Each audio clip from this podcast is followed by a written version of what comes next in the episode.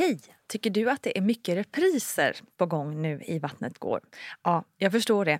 Det beror helt enkelt på att jag, Nina Campioni, just nu har en pop-up second hand i Modgallerian i Stockholm. Så min tid räcker helt enkelt inte tid att göra så många avsnitt som jag hade önskat. Men tills jag är tillbaka på full tid, kom gärna och hälsa på mig i Modgallerian. Vi ses! Have catch yourself eating the same flavorless dinner three days in a row? Dreaming of something better? Well, HelloFresh is your guilt-free dream come true, baby. It's me, Gigi Palmer. Let's wake up those taste buds with hot, juicy pecan-crusted chicken or garlic butter shrimp scampi. Mm. Hello Fresh. Stop dreaming of all the delicious possibilities and dig in at HelloFresh.com. Let's get this dinner party started. Life is full of awesome what ifs, and some not so much, like unexpected medical costs. That's why United Healthcare provides Health Protector Guard fixed indemnity insurance plans to supplement your primary plan and help manage out of pocket costs. Learn more at uh1.com. I'm Sandra, and I'm just the professional your small business was looking for. But you didn't hire me because you didn't use LinkedIn jobs. LinkedIn has professionals you can't find anywhere else, including those who aren't actively looking for a new job but might be open to the perfect role, like me. In a given month, over 70% of LinkedIn users don't visit other leading job sites. So if you're not looking on LinkedIn, you'll miss out on great candidates like Sandra. Start hiring professionals like a professional. Post your free job on linkedin.com/people today. Hey, it's Ryan Reynolds and I'm here with Keith, co-star of my upcoming film If, only in theaters May 17th. Do you want to tell people the big news?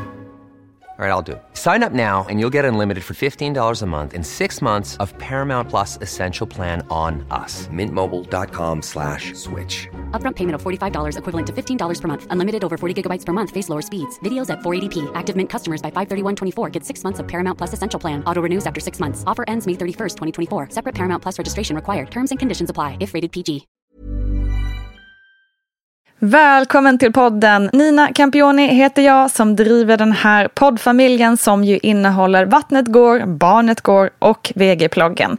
Just nu är det högsommar och därför tänkte jag bjuda på en repris av ett väldigt viktigt och bra avsnitt. I alla fall i min egen mening. Jag hoppas att du också ska tycka om avsnittet lika mycket som jag. För det finns ju ganska många otroliga avsnitt i den här poddserien som ju har hållit på sedan 2015. Så därför kommer nu det här viktiga avsnittet i sin helhet igen. Varsågoda och ha en underbar sommar. Hej kära vänner! Välkommen ska ni vara till Barnet går med mig Nina Campioni. Här i podden pratar vi om föräldraskap och barns utveckling och massa annat som hör den här lite nya delen av livet till. I veckans avsnitt ska vi prata om något som jag tror att många kvinnor som fött barn känner igen sig i. Ja, kanske även många som inte fött barn förstås och det handlar om sex. Tillsammans med sex och förlossningscoachen Erika Alsborn pratar vi om hennes erfarenheter och så pratar vi såklart om det berömda Get back on the horse så att säga efter förlossning. Något som många, inklusive jag själv, har varit väldigt nervös inför och kanske inte ens särskilt sugen på. Så varmt välkommen till ett väldigt intressant samtal kring något som borde vara en njutning för oss alla.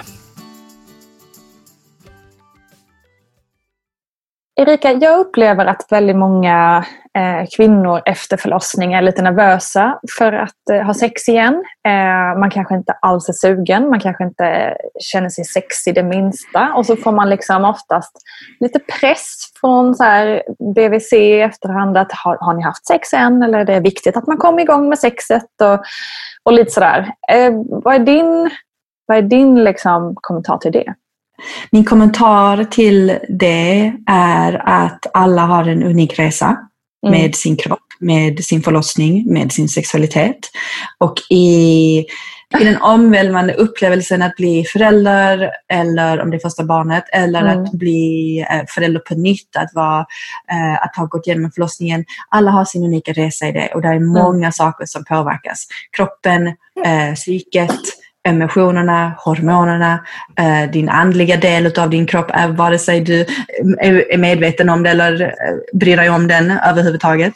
Mm. Um, det är så mycket som förändras och det är jag tror det allra viktigaste är att prata på en individnivå med, mm. med personen och med paret, involvera partnern också, mm. om vad är dina önskemål? Vad önskar du?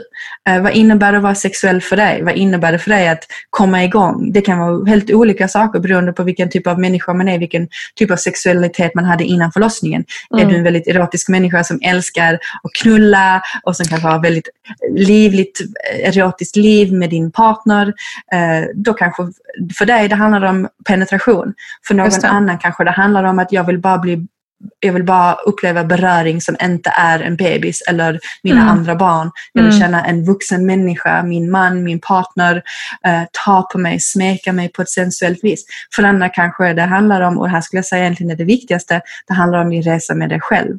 Att du som individ med dig själv börjar eh, ta hand om din egen sensuella kontakt med dig själv. Så ta på din kropp, smeka ditt underliv, onanera, mm. Ehm, känna att du är eh, i kontakt med din sensuella kraft eller energi på mm. något vis. Och det kan se så olika ut beroende på individen eh, och på ja, dens sexuella liksom, karta. Just det. Hur, hur, tycker du liksom, utifrån din uh, yrkesmässiga ståndpunkt, eller vad man ska säga, hur viktigt är det att liksom, get back on the horse så att säga och komma igång? Det är klart att det är väldigt viktigt i en relation och framförallt i dagens relationer att sexualiteten fungerar eftersom det är en väldigt stor del utav ens eh, romantiska relation. Mm. Och det är på sätt och vis liksom kittet i en relation. Mm. Och det kan bli svårare att skapa inte bara fysisk distans men även emotionell distans, mm. eh, negativa känslor som bitterhet och eh, en känsla av besvikelse och att mm. man är ehm, eh, att man blir rejected, vad heter det på svenska? Just det. Men ja, ni förstår vad jag menar. Ja. Eh, så att det kan växa fram saker i, mellan två partner när man inte bevarar eller tar hand om sin sexuella kontakt. Mm. Eh, part, partnern som inte fött barn kan känna sig utbytt och sidosatt för att eh, modern, mamman, eh, personer som har fött barn eller som ammar och så väljer barnen framför. Mm. Eh, och totalt liksom åsidosätter partnern och dens behov. Eh, där kan vara väldigt många känslor av förlust, att man har förlorat någonting som man hade innan mm, tillsammans som äkta makar eller som, som partners. Um, så det är, det, det, är komplext och det är det som är det fina med mänskliga relationer, det är att våra relationer är komplexa. Mm. Um, det är det som gör dem så intressanta och så utvecklande och så fantastiska men så utmanande mm. att vara mm. i. Mm. Och, och, sexualitet för den moderna människan, jag ska säga för människan genom alla tider, men nu när vi inte är tillsammans för att det är en ekonomisk överenskommelse och vi, inte, och vi skiljer oss när vi vill, mm. Eh, så är ju sexualiteten en väldigt viktig del som kräver mm. att man bevarar den och att man jobbar aktivt för den. Mm. Du pratar ju i Vattnet går om att eh, själva förlossningen också är en sexuell upplevelse och att liksom egentligen hela eh, graviditeten och allting, eh, ja, det hänger ihop helt enkelt. Under graviditet, alltså hur mycket kan man liksom jobba upp under graviditeten en sexualitet som sen blir lättare att plocka upp efter. Så mm. Jo men väldigt mycket kan man göra där i förebyggande syfte och det skulle jag säga handlar om all sexualitet. Att ofta så söker vi hjälp när det inte funkar eh, och det är mm. liksom vår traditionella vårdmodell att när någonting inte funkar, sök hjälp. Vi har ju mm. väldigt lite förebyggande vård i alla delar utav vårt liv. Men just när det gäller sexualitet så är det väldigt viktigt. Och där kan graviditeten vara en, en upplevelse, precis som du nämnde, som jag sagt tidigare, att din graviditet är en förlängning av din sexualitet.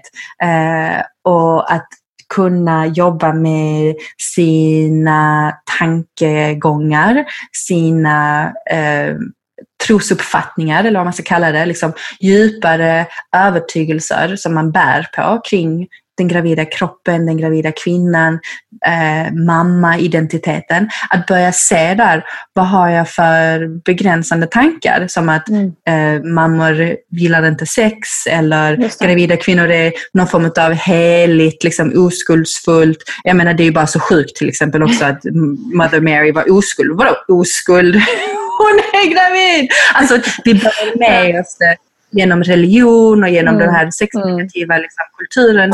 Att en, en moder och en gravid kvinna liksom är helig och rör inte henne. Och, mm. och du vet, oh, den gravida kroppen är så skör och, och du vet, oh, aktas. Och, och nej, Exakt, absolut ja. inte. Uh, och, när, och det börjar redan där. Det börjar i tankar som är djupare än du faktiskt egentligen vet att du har. Mm. Och sen börjar det påverka dina handlingar, det börjar dämpa din lust, du börjar känna dig begränsad i din kropp. Och helt mm. plötsligt nio månader senare, tio månader senare föder du barn och sen är du fullt upptagen med en bebis och sen så används det som en ursäkt för att inte ta tur med de jobbiga känslorna som gör att du känner dig avskuren från din sexualitet. Så mm. det här är djupt arbete och det är svårt mm. för individen. Det är jättejobbigt mm, mm, eh, om man inte får liksom, stöd och hjälp eller om man inte har jobbat sig igenom de här tankarna så kan det finnas väldigt många hinder på vägen. Precis. Kan inte du berätta lite om, eh, om din egen resa i detta och vad, vad det är du gör nu? Så jag, jobbar, eh, jag jobbade som sexcoach eh, när mm. jag blev gravid. Mm. Och eh, blev väldigt tidigt i min graviditet då, inspirerad av min graviditet för att okej, okay, här kommer jag få utforska och liksom göra research på mig själv. Ja, vilket är den, den, bästa researchen man kan göra. Mm. Och insåg därigenom att om jag kultiverar, om jag tar hand om min sexualitet så blir min graviditet bättre Mm. Den känns, jag känner mig mer upprymd, jag känner mig eh, liksom, som att jag är en, en hel enhet där min sexualitet och min kropp och min graviditet och allting liksom funkar tillsammans. Mm. Det påverkade min förlossningsupplevelse positivt. Um, där jag kunde använda njutning och självnjutning och ta på min kropp under förlossningsgång för att hantera förlossningens, förlossningens intensitet och uh, kraften och, och, att ta på mig själv och ge mig själv njutning var ett sätt att smärtlindra, lindra, mm, där jag inte mm. använde annan smärtlindring. Och nu är det ju inte så att det här måste gälla för alla, men två dagar efter jag hade fått barn så var jag sugen på att vara sexuell med min man. Mm. Och, och, två veckor efter, tre veckor efter vi, jag hade fött vaginalt så kände jag mig redo att ha, ha, liksom, vara intim med honom och ha sex mm. igen. Och det kom från en känsla av lust, att jag ville, jag ville känna mig som en sexuell individ och jag ville känna att jag kunde förena mig själv i mitt förvandlingsarbete, att gå från kvinna till kvinna och mamma, mm. för jag identifierar mig som kvinna.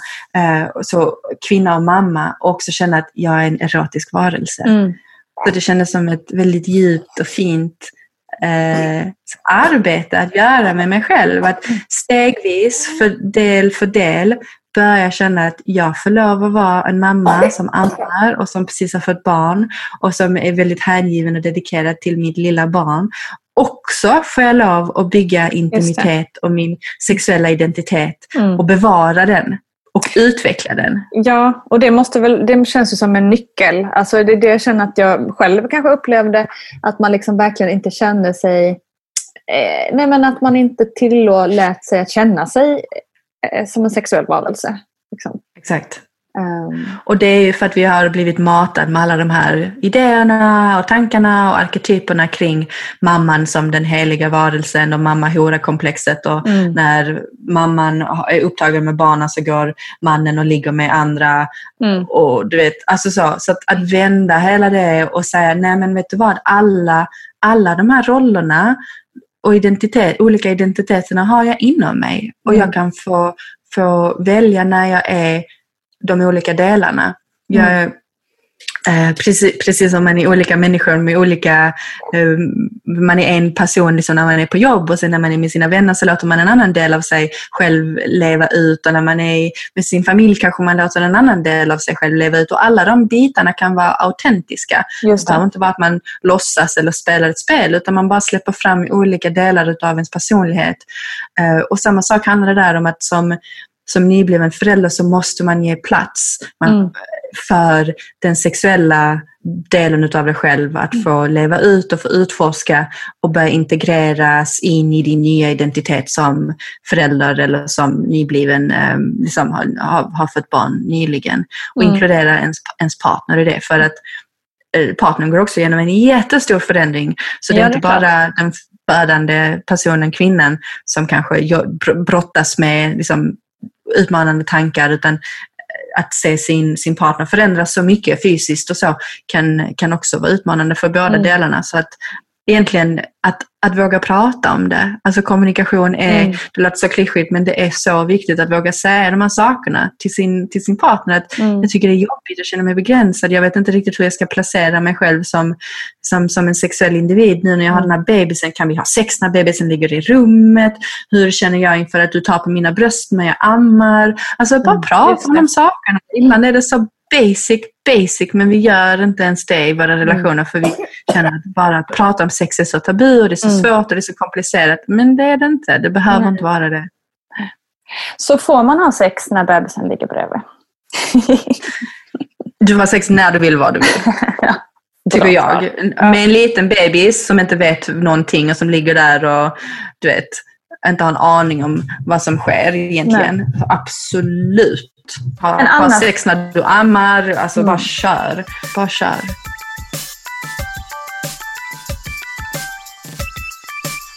Du, men annars, har du några liksom smarta tips för hur man liksom ska få till det? När, jag tänker när barnen kanske har blivit lite äldre. Nu är ju ditt barn ett och ett halvt då, så kanske inte riktigt har blivit så att eh, han kan här, öppna badrumsdörren när som helst. Men, men mm. eh, annars kanske sådär. Har du några tips för sånt? Alltså jag skulle rekommendera folk att tänka på kvalitet. Um, så att man, att man tänker på hur kan vi se till i vårt liv att lägga in sexuella dejter, att mm. göra liksom sexdejter med varandra där vi kan få uppleva kvalitetstid med varandra. Vuxen, sexuell, intim kvalitetstid med varandra. Och om det bara sker en gång varannan vecka Mm. Men det verkligen är kvalitet. Då är det bättre än att man varje dag går runt och stressar och tjurar över att man inte får ligga varje dag. För det kanske inte finns utrymme för det under just den här perioden. Det kommer senare. Mm. Uh, men verkligen fokusera på kvalitet istället för kvantitet kan få en att känna en känsla av mindre press, mindre stress och mindre irritation kring det. Det tror jag verkligen. För just kvantitet är det ju ganska mycket hets om annars. Att man så här, helst ska man ha det liksom, absolut varje vecka, annars är det inte bra. Liksom. Um, och det blir man ju jävligt stressad av. Bara, Gud, har vi haft det den här veckan? Nej, det har vi inte. Oh shit, liksom. Ja, och det som dödar lust och sexuell energi är ju press och stress. Det finns inget mm. mer avtändande än det. Så att det är jätteviktigt. Och från kvalitet så kommer kvantitet oftast ganska naturligt. För när man har mm. fått igång kvaliteten och man har hittat, hittat liksom kvalitet i sitt sexuella utbyte med sig själv. Du kan alltid ha, du kan onanera i duschen. Mm. Du kan onanera när du kör bil. Eh, du kan, alltså man kan alltid... när du kör bil? Crazy person. Man kan alltid smeka sig själv. Ja. Men alltså, alltså, det är så, förlåt att jag avbryter, men det är så viktigt att du eh, säger det om eh, oss själva. För jag tror att väldigt många glömmer bort sig själva det här. Jag tror också att vi väldigt mycket, framförallt som kvinnor i heterosexuella relationer, känner att allting är mannens ansvar. Det är han som ska initiera, det är han som ska mm. upphetsa dig, det är han som ska få dig att bli kåt, det är han som ska få dig att bli våt, det är han som ska tillfredsställa dig. Och det är jävligt uh, disempowering sätt mm. att leva på. Mm. För det är du som är ansvarig för din sexualitet, ingen annan. Det är du som är ansvarig för att ta hand om dig själv sexuellt. Det är du som är ansvarig för att tänka sexuella tankar, att se till så att du ser fram emot sex, att du ser till så att du har kommunikation så att du känner dig respekterad, sätter gränser. Det är mm. ditt ansvar, ingen annans. Uh, och det är så viktigt att känna det, för att annars så känner man sig egentligen som ett offer, för det första. Mm, ja, faktiskt. Man, en, en subtil känsla av att man är ett offer mm. eh, och också att man inte kan ta initiativ och vara en, en, liksom, en autonom individ som, mm. som en sexuell partner. Mm. Så det är superviktigt och i det ansvaret ligger ju oftast då, ja men ta på dig själv och se till så att du liksom känner din kropp och mm. har, du, har du behov för någonting så börja där med dig själv. För mm. i, från en sådan plats så kan du bjuda in en partner mycket enklare. Och om du inte är helt liksom stenfrusen och din fitta är i ett status av typ kärle. så jävligt svårt att bli kåt när du upplever liksom att du är helt stel och frusen. Liksom. Ja. Det är ganska jobbigt för ja. en partner att arbeta upp liksom, din värme och kåthet där. Utan där har, man, och där har mannen eller partnern såklart ett ansvar för sig själv också.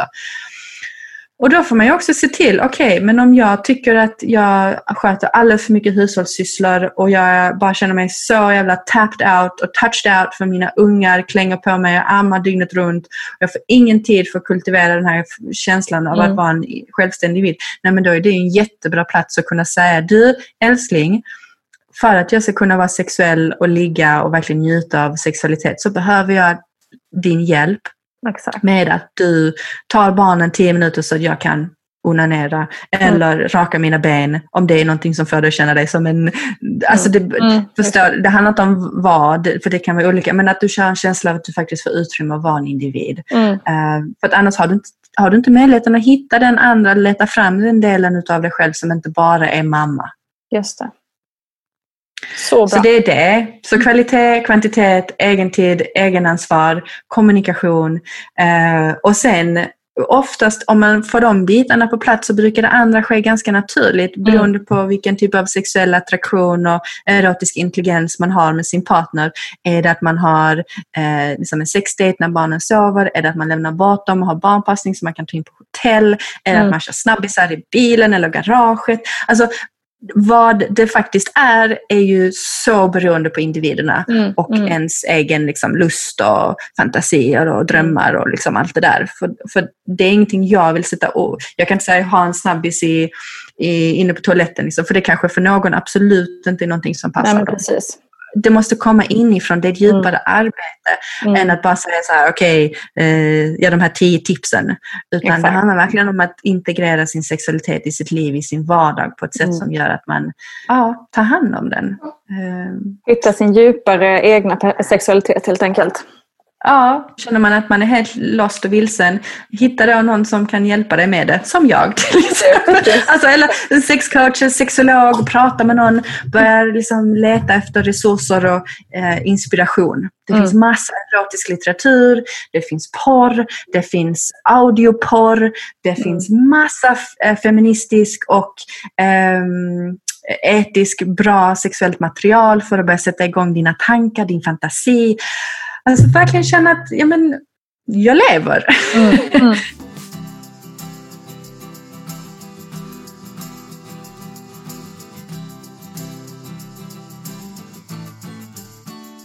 Nu har vi pratat mest om liksom, sex efter förlossning och sex när man har barn och sådär. Men jag tänker när man lever i en relation, alltså eh, det, man brukar säga att man har en förälskelsefas och allting är passionerat och hej och hå och sen så börjar den det liksom lugnar ner sig lite och passionen kanske eventuellt till och med försvinner. Och, ja, ska man sen vara gift i 30 år så bara, ah, känns kanske inte så peppigt med sex längre. Liksom. hur, hur, liksom, hur ska man få ett, liksom ett aktivt och sunt sexliv um, i en lång relation? Liksom? Mm, det är en superbra fråga och det är en väldigt viktig eh, kunskap att ha med sig. Mm. Um, och precis som du nämnde i början så är det jättepassionerat, man är förälskad, man leker i den här uh, i, i utrymmet där man lär känna en person men personen är fortfarande okänd, där det är en, en, en mystik, där det är en mm. känsla av lite otrygghet, alltså spänningen i att jag vet inte riktigt var jag har dem, uh, jag är så otroligt sexuellt attraherad och det liksom börjar bli emotionellt engagerad och så vidare. Och mm. man rör sig från, som, som partner så rör man sig från att vara två individer till att bli en enhet. Och i det rör man sig från att vara egentligen spänningssökande uh, i en, i en, eh, en spänning, nästan en otrygghet, äh, äventyr, till att vara i trygghet, mm. Ehm, eh, symbios på något vis och att man verkligen känner varandra. Där är mm. inget my mysterium i det. Och den största lust och sexdödaren är trygghet. och av, total avsaknad av mysterium. För det hjälper dig att känna att du har bra eh, liksom bonding, attachment, trygghet, stabilitet, alla de bitarna som gör din emotionella relation väldigt stabil. Med din sexuella relation kan verkligen känna att det dödar, det får mm. lågan att liksom blåsas ut och, och försvinna. Ja. Så, mm, så det är rätt som, naturligt då att man kan känna så med andra ord? Det är jättenaturligt, absolut. Mm. Och det är en del utav, liksom det, det är liksom ett plus ett lika med två. Mm. Uh, och att förstå det och känna att en spänningssökande och känslan av att oh, du vet, man börjar tänka kanske på andra eller mm. folk börjar till och med fundera och fantisera om otrohet. Vad man söker det är kanske egentligen inte otroheten i sig eller andra partners men spänningen. För det är mm. spänningen som får en att, att det kittlar i, i ens liksom, kön bön och man börjar känna mm. den här kåtheten. Och det är spänning i sig som man behöver för eh, mänsklig sexualitet rent eh, neurologiskt är, är, är uppbyggt på det viset. Mm. Så det är inget fel på en. Så att förstå det och tillsammans med sin partner luska ut, hur kan vi göra för att hitta spänning?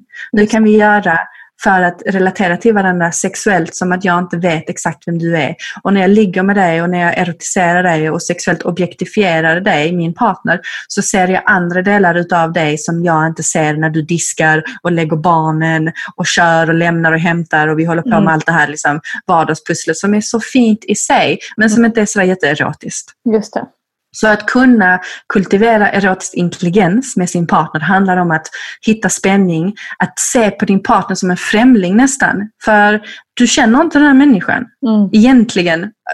Alltså, såklart du känner dem, men du kommer aldrig känna den allt och man ändras över en livstid också. Så mm. att vem du lärde känna din partner för 10-15 år sedan, den är inte samma individ idag. Likaväl så är inte du samma individ som då. Så att känna det här med att, där är liksom, att kunna skapa den här spänningen och, och mysterin är jätteviktigt. Och också att förstå vem man är som erotisk varelse. Vad tänder jag på? Mm. Vi tillåter oss själva inte att ha ett, ett fantasiliv eh, som är aktivt. Och i det i början också när man är så passionerade och erotiska, då har man inte riktigt också bestämt att man kanske är exklusiva.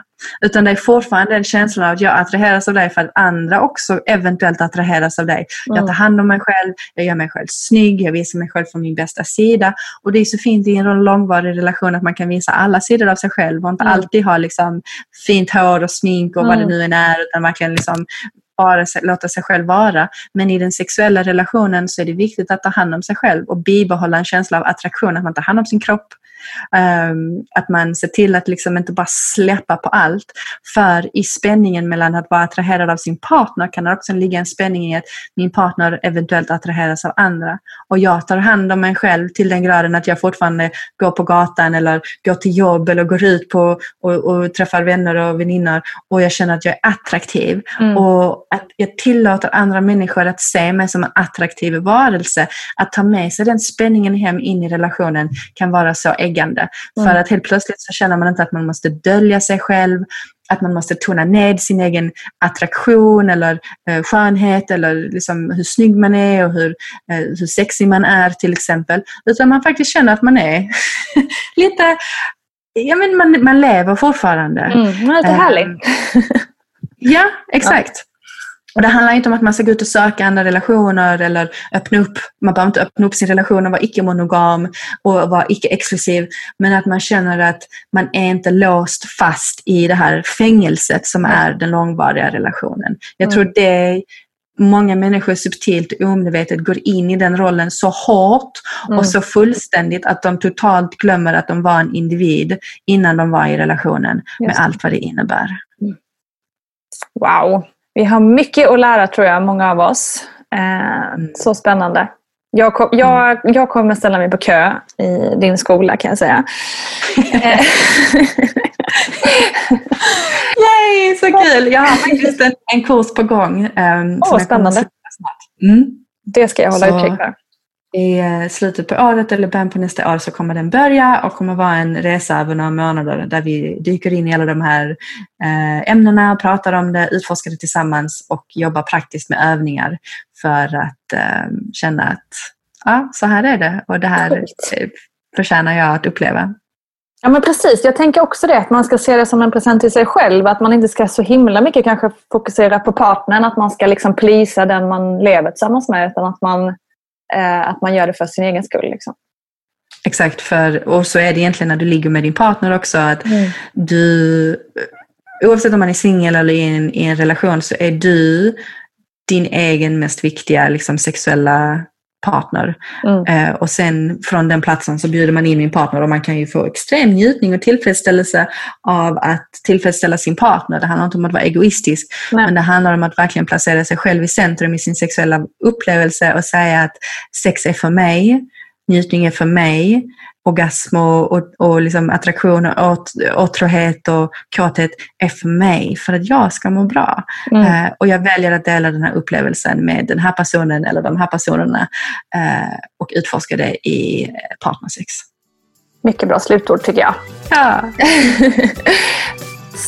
Tack för din expertis och din öppenhjärtlighet Erika Alsborn. Sök gärna upp Erika på Instagram för mer info om hennes viktiga arbete.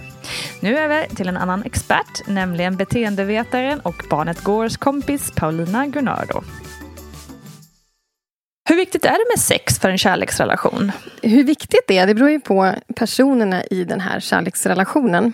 Um, har du hört talas om att det finns olika kärleksspråk. Nej, det har jag faktiskt inte. Nej, Kärlekens fem språk. Mm. Det finns en bok om, om, eh, om kärlekens fem språk av en parterapeut. Som, han jobbade ett gäng år och märkte liksom att det, folk kommer in dit till honom med konflikter. Mm. Där de till exempel då så här, Eh, ja, men du, vi pratar inte med varandra, du säger aldrig att du älskar mig men sen vill du ha mig i sängen på kvällen. Eller, eh, jag gör ju faktiskt allt det här för dig men du säger aldrig att du älskar mig. Det. det. blir liksom krockar där, att man, man tycker att olika saker är olika viktigt. Och mm. om du skulle fråga folk så här, när känner du dig älskad? Mm. Så kommer man svara olika saker inom olika mm. kategorier. Och där kommer bland annat fysisk beröring in. Men också ord som bekräftar ett språk. Um, som handlar liksom om att man ser varandra, att man ser vad den andra behöver och tycker om. Eller mm. om du, din man har gjort någonting som du blir glad av, som du uppskattar, så kan du liksom sätta ord på det. Um, och det kan vara viktigt för honom att höra om han har ord som sitt primära kärleksspråk. Just det. Och sen finns det ett språk som heter tid tillsammans. Uh, och det är ju något som småbarnsföräldrar sällan känner att de har. Mm -hmm. Men som liksom generellt sett, det är ju viktigt för alla att ha tid för en relation. Mm. Men tid tillsammans är, vissa så, är ett sånt språk som uppskattas mer av vissa än av andra. Och sen har vi gåvor. Och det behöver inte vara att man köper dyra saker till varandra. Utan det kan handla om att man plockar en liten blombukett. Eller att man väljer någonting som någon tycker om när man är ute och handlar mat. eller någonting. Och sen så har vi ett språk som heter tjänster. Där man, liksom, man gör tjänster för varandra. Och sen har vi ett femte språk som heter fysisk beröring. Ja, Gud vad intressant. Det här var en helt ny värld. Som jag ja. genast kände så att jag började förstå min partner mycket mer. Ja. Bara på de här eh, korta meningarna. Ja. ja, intressant. Ja, för vi har ju liksom olika språk vi själva talar. Mm. Olika sätt vi själva vill uttrycka att vi tycker om den vi lever med. Och mm. att vi vill ha den. Liksom. Mm. Eh, och sen också olika språk som vi har för när vi känner oss älskade. Och det blir ju lätt lite um, missförstånd där. När vi inte vet vilka språk vi pratar själva och Verkligen. vår partner pratar. Eh, men det där med alltså, fysisk beröring och sex, det är ju alla mår ju bra av, eller de flesta mår ju bra av fysisk beröring. Vi mm. behöver mm. fysisk beröring. Mm. Men vad är fysisk beröring? Vad är, vad är bra sex? Yeah. Vad tycker min partner? Vad tycker jag? Vilket slags sex vill vi ha? Vilket slags sex kan vi ha? Eh, att man liksom pratar ihop sig så att man förstår varandra även med det, det språket. Liksom. Just det. Eh, för att sex och fysisk beröring kan ju verkligen skapa en, en känsla av samhörighet som är väldigt viktig i en relation. Mm. Eh, så. Mm. Verkligen. Det där med att prata om sex kan ju dock vara ganska svårt, konstigt nog. Mm. Trots att man kanske mm. levt med en man i ja, 20 år, så, mm. eller kvinna, så, uh, så kan det vara svårt att prata om sex mm. i en relation. Har du något tips där på hur man kommer runt det? Det finns ju massa böcker att läsa och Eh, bra artiklar, bra poddavsnitt. Eh, försöka börja prata lite grann. Eh, försöka lära känna sig själv. Gå till mm. sig själv först, så att man blir trygg i samtalet. För om mm. man själv vet vad vill jag själv ha? Mm. Vad tycker jag om? När mår jag bra? Hur ofta vill jag ha sex? Är det så att min partner vill ha det mycket oftare än jag? Och så ställer man upp fast man egentligen inte vill. Just det. Då ger ju det liksom en trygghet i samtalet. Att man har koll på sig själv eh, det. först. Eh, Precis. så. Och att man också luckrar upp liksom bilden av vad, vad sex måste vara för någonting. Mm. Typ under småbarnsåren. Eh, då lusten kanske eh, försvinner eller eh, dör lite grann liksom, Ja. av att man är trött eller precis har fått barn eller någonting. Det är liksom helt naturligt och måste inte vara ett tecken på någonting dåligt. Utan bara Exakt. vart man är i livet. Ofta kan ju sex kanske kännas nästan som ett tvång för någon som just har fått barn. Det är mycket snack om så här, upp på hästen igen, liksom, även från barnmorskors håll eh, på mödravårdscentral. och Så där. Hur ska man tänka där tycker du? Jag tänker att man inte ska känna att man måste upp på hästen om kroppen inte är redo. Och man psykiskt heller inte är redo. Alltså i en ömsesidig respektfull relation så måste man ju kommunicera och respektera både sig själv och den andra. Eh, och varandras gränser. Och sex ska ju vara någonting som känns bra för båda. Mm. Eh. Det finns ju en bild av att så här, man ska ha mycket sex och bra sex och vad det ska vara och sådär. Mm. Ehm, nej, jag tycker inte man ska lyssna på det. Man måste gå till sig själv. Man måste prata ihop sig. Mm. Precis. Och jag Ja. tänker också, precis som du var inne där med just att prata, att liksom jag, i vår relation så har, vi, har man själv kanske känt att men gud, jag måste, det är dags och så här. Sen så, när man väl pratar om det så förstår man ju att min partner är precis lika trött och Ja. totalt ointresserad av liksom, eh, sex just nu till exempel. Så det, det, det blir lätt tycker jag att det så här hamnar på kvinnans typ dåliga samvete. Att vi ska så här, ställa upp liksom.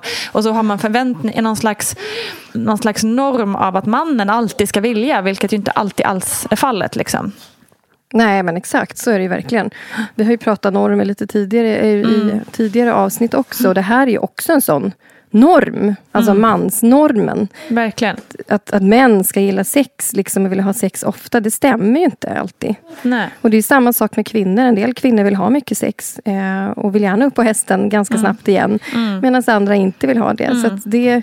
Man måste ju verkligen gå till sig själv och eh, snacka med sin partner om sex. Och vad, Precis. Vad sex ska vara och om man kan ha det på något annat sätt en period. Och Mm. vilken typ av beröring man mår bra av och sådär. Ja. Ja men grymt, för det, ni är inne på samma spår där både du och eh, sexologen Erika som jag pratade med tidigare om att liksom lära känna sig själv och vara ärlig mot sig själv och vad man själv tycker om och så vidare. Toppenbra! Man ska ju gilla det där med sex, eller hur? Ja. Tack, tack, tack Paulina Gunnardo. Som vanligt kan du läsa mer om hennes tankar och tips på dittbarnochdu.se Missa nu inte mammagruppen på Facebook och även Vattnet går på Insta förstås. Ha nu en riktigt bra dag. Hej då!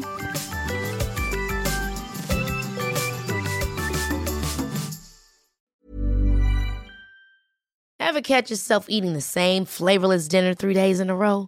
Dreaming of something better? Well, HelloFresh is your guilt-free dream come true, baby. It's me, Kiki Palmer. Let's wake up those taste buds with hot, juicy pecan-crusted chicken or garlic butter shrimp scampi. Mm. Hello Fresh. Stop dreaming of all the delicious possibilities and dig in at HelloFresh.com. Let's get this dinner party started. Imagine the softest sheets you've ever felt. Now imagine them getting even softer over time. That's what you'll feel with Bowl and Branch's organic cotton sheets. In a recent customer survey, 96% replied that Bowl and Branch sheets get softer with every wash. Start getting your best night's sleep in these sheets that get softer and softer for years to come. Try their sheets with a 30-night guarantee. Plus, get 15% off your first order at bowlandbranch.com. Code BUTTERY. Exclusions apply. See site for details. Even when we're on a budget, we still deserve nice things. Quince is a place to scoop up stunning high-end goods for 50 to 80% less than similar brands. They have buttery soft cashmere sweaters starting at $50, luxurious Italian leather bags, and so much more. Plus, Quince only works with factories that use safe, ethical, and responsible manufacturing. Get the high-end goods you'll love without the high price tag with Quince. Go to quince.com slash style for free shipping and 365-day returns. Hi, I'm Daniel, founder of Pretty Litter. Did you know cats tend to hide symptoms of sickness and pain? I learned this the hard way after losing my cat, Gingy. So I created Pretty Litter, a health monitoring litter that helps detect early signs of illness by changing colors, saving you money and potentially your cat's life. Pretty Litter is veterinarian developed, and it's the easiest way to keep tabs on your fur baby's health right at home. Go to prettylitter.com and use code ACAST for 20% off your first order and a free cat toy. Terms and conditions apply. See site for details.